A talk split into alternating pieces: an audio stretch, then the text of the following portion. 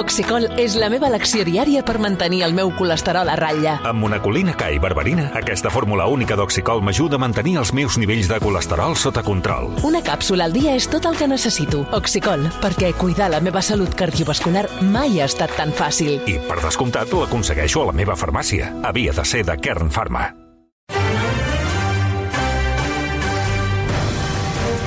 Tres minuts passen d'un quart de set del vespre.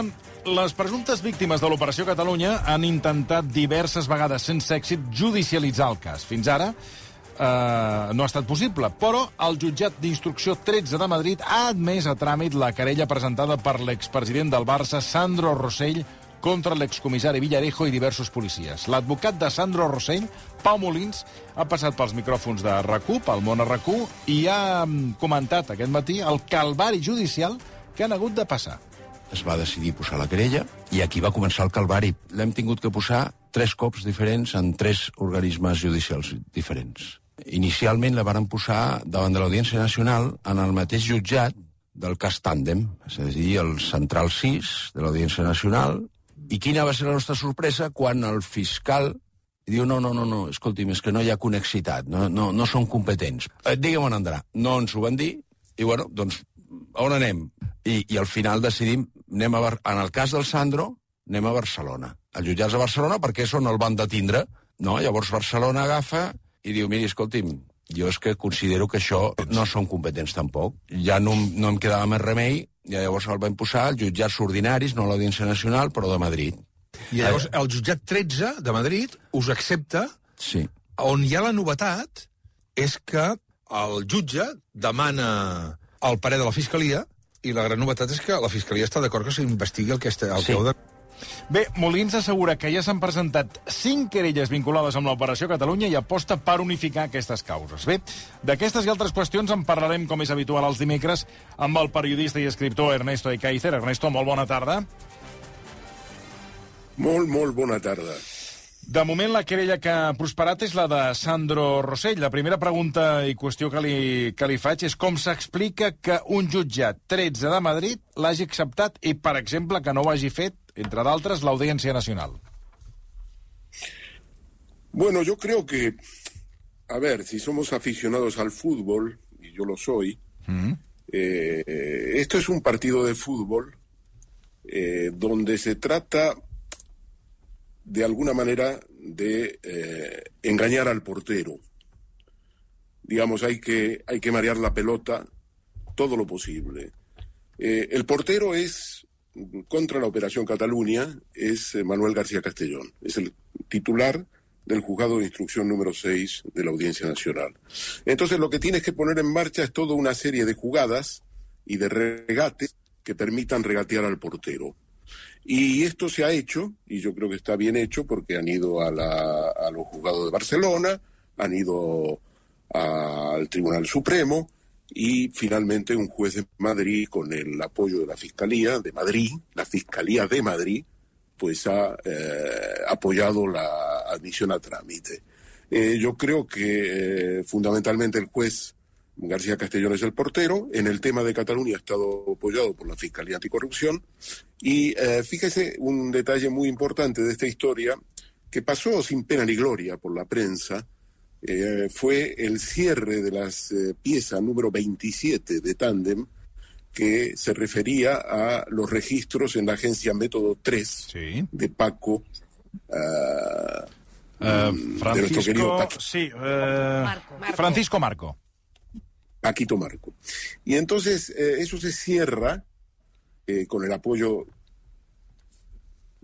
en fin, un apoyo ambiguo de la Fiscalía, no voy a entrar en detalles, y eh, se cierra esa pieza. Y esa pieza, en la medida en que el punto de partida de esa pieza es el famoso tema de la Camarga, y donde Alicia Sánchez Camayo es la promotora y es la promotora de la grabación con Vicky Álvarez, eh, aunque esto de Vicky Álvarez a mí me ha costado un apodo. En- ayer mismo en el diario El País me han sacado, no sé si lo ha visto.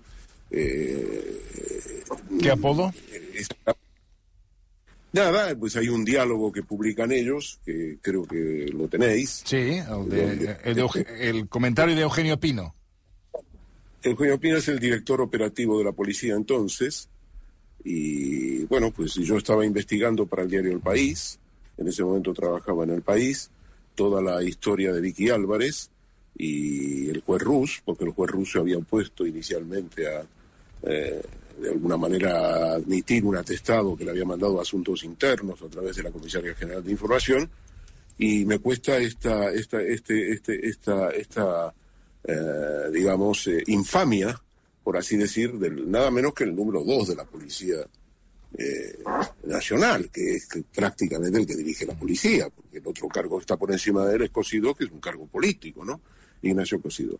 Pero bueno, dicen que yo soy agente del CNI, que soy puro CNI. Bueno, a mí me desagrada mucho escuchar estas cosas, mucho y puedo decir que es una infamia, es una calumnia total que revela la calaña de personajes como Eugenio Pino y toda la cúpula policial a quien no he dado tregua, lo comentamos la semana pasada aquí en relación a Marcelino Martín Blas, otro de sus otros miembros de la cúpula, eh, en relación a la Operación Cataluña.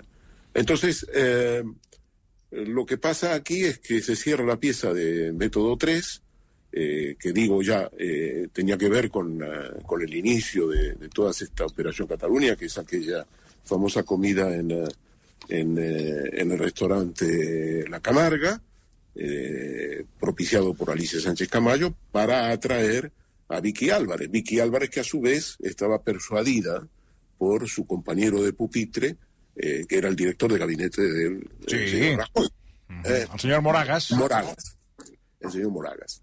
Entonces, eh, mm, eh, esta pieza se cierra ahora, hace tres, cuatro meses, en octubre, y claro, esta era pieza clave para investigar la Operación Cataluña. Y se la cargan precisamente porque no quieren investigar Cataluña. Y yo digo que el juez es el portero, porque vamos a ver, lo que ha hecho el juez con la pieza Tandem, con el caso Tandem, ¿Mm? es buscar durante tres años y medio una tarjeta de un teléfono de un asistente de Pablo Iglesias para tratar de empitonar a Pablo Iglesias. E incluso lo intenta con una exposición razonada al Supremo. Ahora resulta que el caso Tandem son Kitchen, que es muy conocido, y Dina. Pero si Dina es insignificante. Es la búsqueda de una tarjeta. ¿Y sabes por qué el juez García Castellón busca esa tarjeta? Porque cree ahí, cree que está el santo grial. Está de alguna manera la bomba para desactivar a Podemos, definitivamente. Después de todos los intentos espurios, porque también a ellos les montan una operación Cataluña particular, ¿eh? ¿Eh? después de los múltiples intentos de destruirles, el eh, juez García Castellón cree que en esa tarjeta está el Santo Grial. Y los jueces que siempre se justifican, usted habrá escuchado, y la sala, y hombre, eso dice, no, es una, es una investigación prospectiva, eh, no saben a dónde van. Pues mire, lo que hizo el juez García Castellón con la tarjeta de Dina es una operación auténticamente prospectiva. Es realmente la idea de que en esa tarjeta eh, está la bomba atómica para destruir a Podemos. Y no la ha conseguido hace mucho ruido, desprestigia a Podemos, por supuesto, para la gente de medios de centro y de derecha, pero no lo ha conseguido.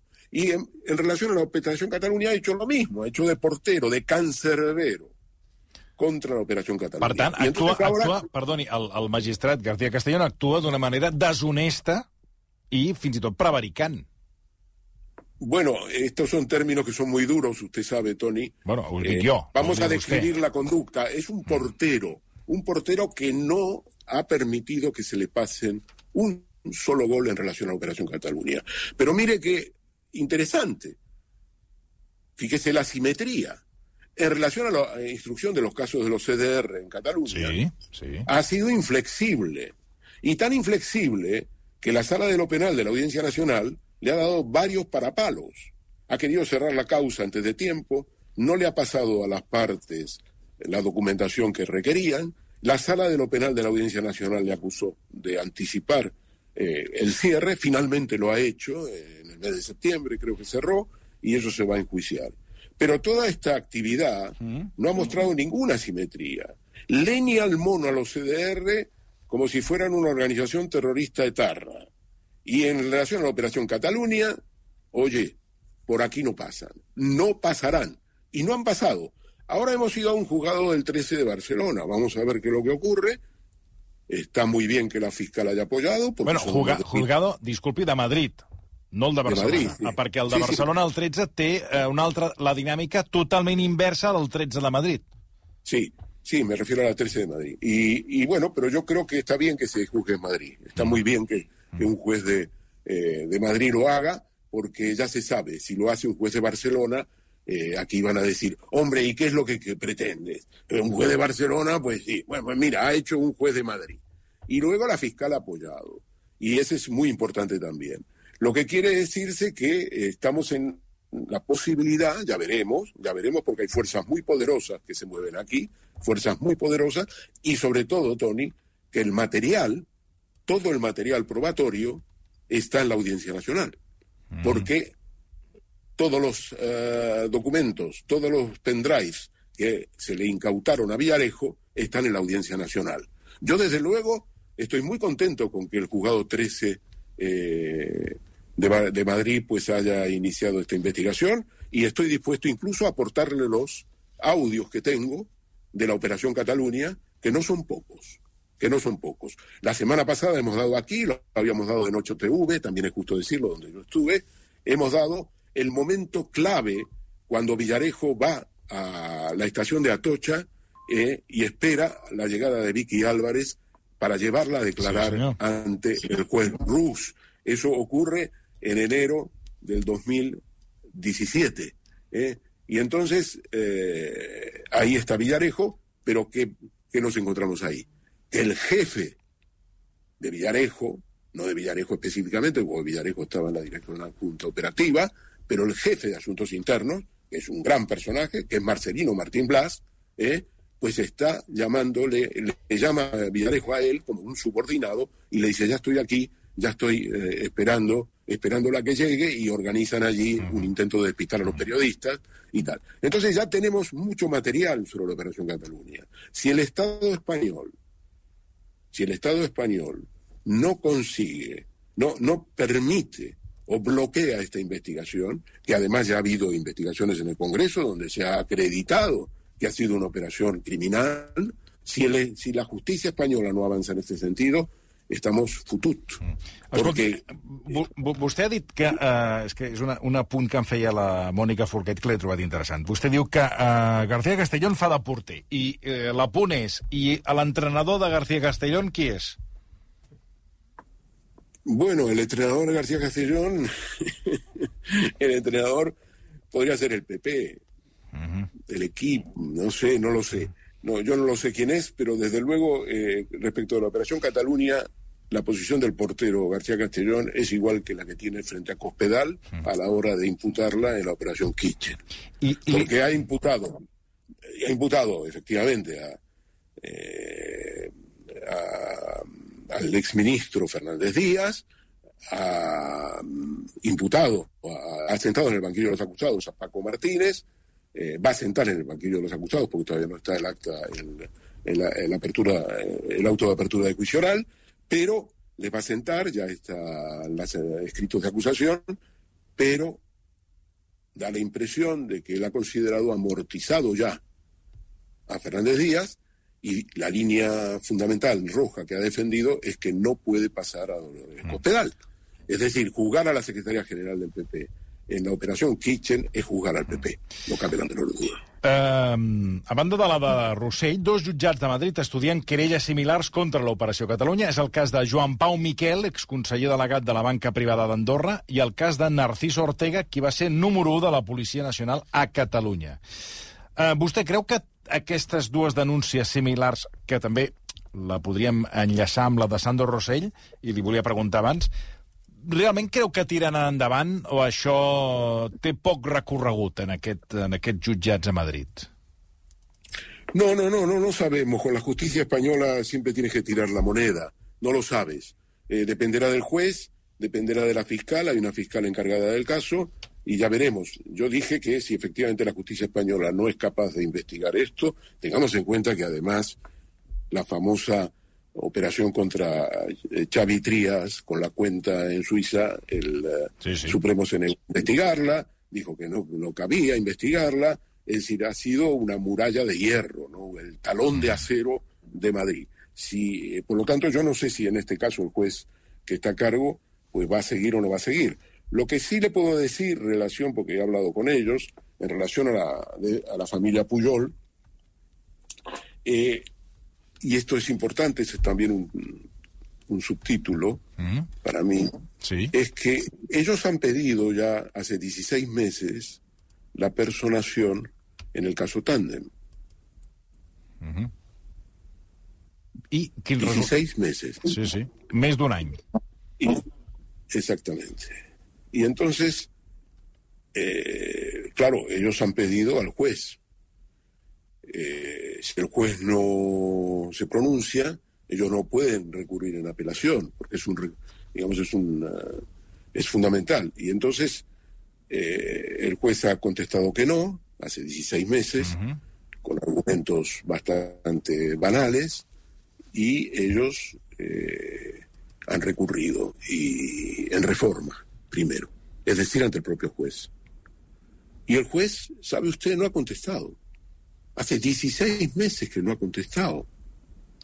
¿Cómo es posible que durante 16 meses no haya dicho y ratificado su posición y sus argumentos para que se pueda recurrir a la sala de lo penal en la apelación?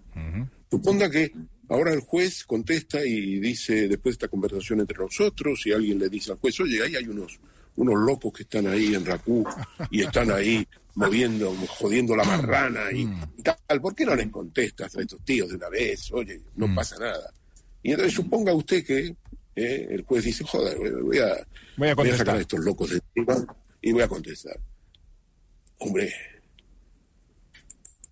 eh, en este periodo de tiempo se ha cerrado la, la pieza de método 3, por ejemplo, donde la personación de eh, los abogados de la familia Puyol podía haber jugado algún papel. Ya esa parte no existe en el sumario. Esa era una pieza que, como le digo yo, donde era fundamental. Y eh, por lo tanto el tiempo en derecho penal no es, es muy importante.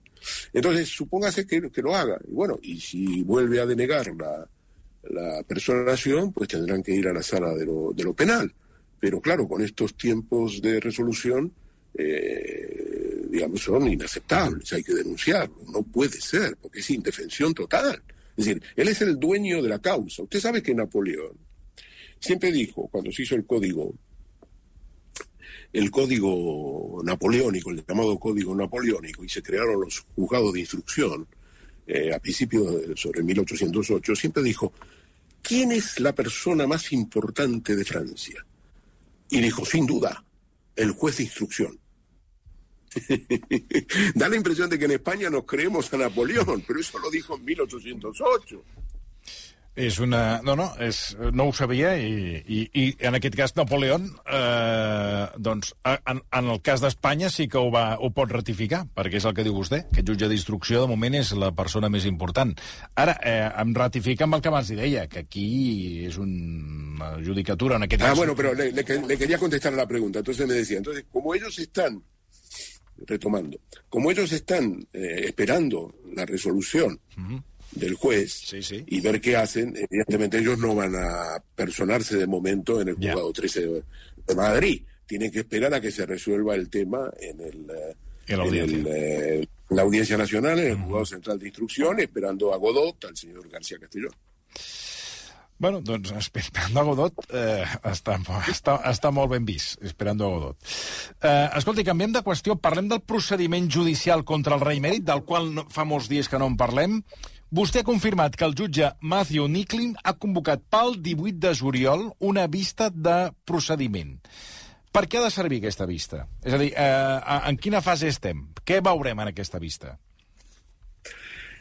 Bueno, en esta vista, digamos, eh, esta es un eh, largo me lo fiáis, ¿no? Porque eh, los tiempos en el procedimiento civil británico pues van lentos y como la defensa de Juan Carlos I lo que quiere es evitar por todos los medios que se siente en el banquillo, es decir, que se dicte sentencia, eventualmente que pueda declarar o no allí, que le cite el juez a declarar, todo eso en fin, ahora que ha ido a París a la, al premio, a la entrada de Vargas Llosa a la, a la, a la Academia Nacional Francesa, a la Academia Francesa, pues evidentemente puede viajar y podría viajar a Londres si el juez le cita, ¿eh?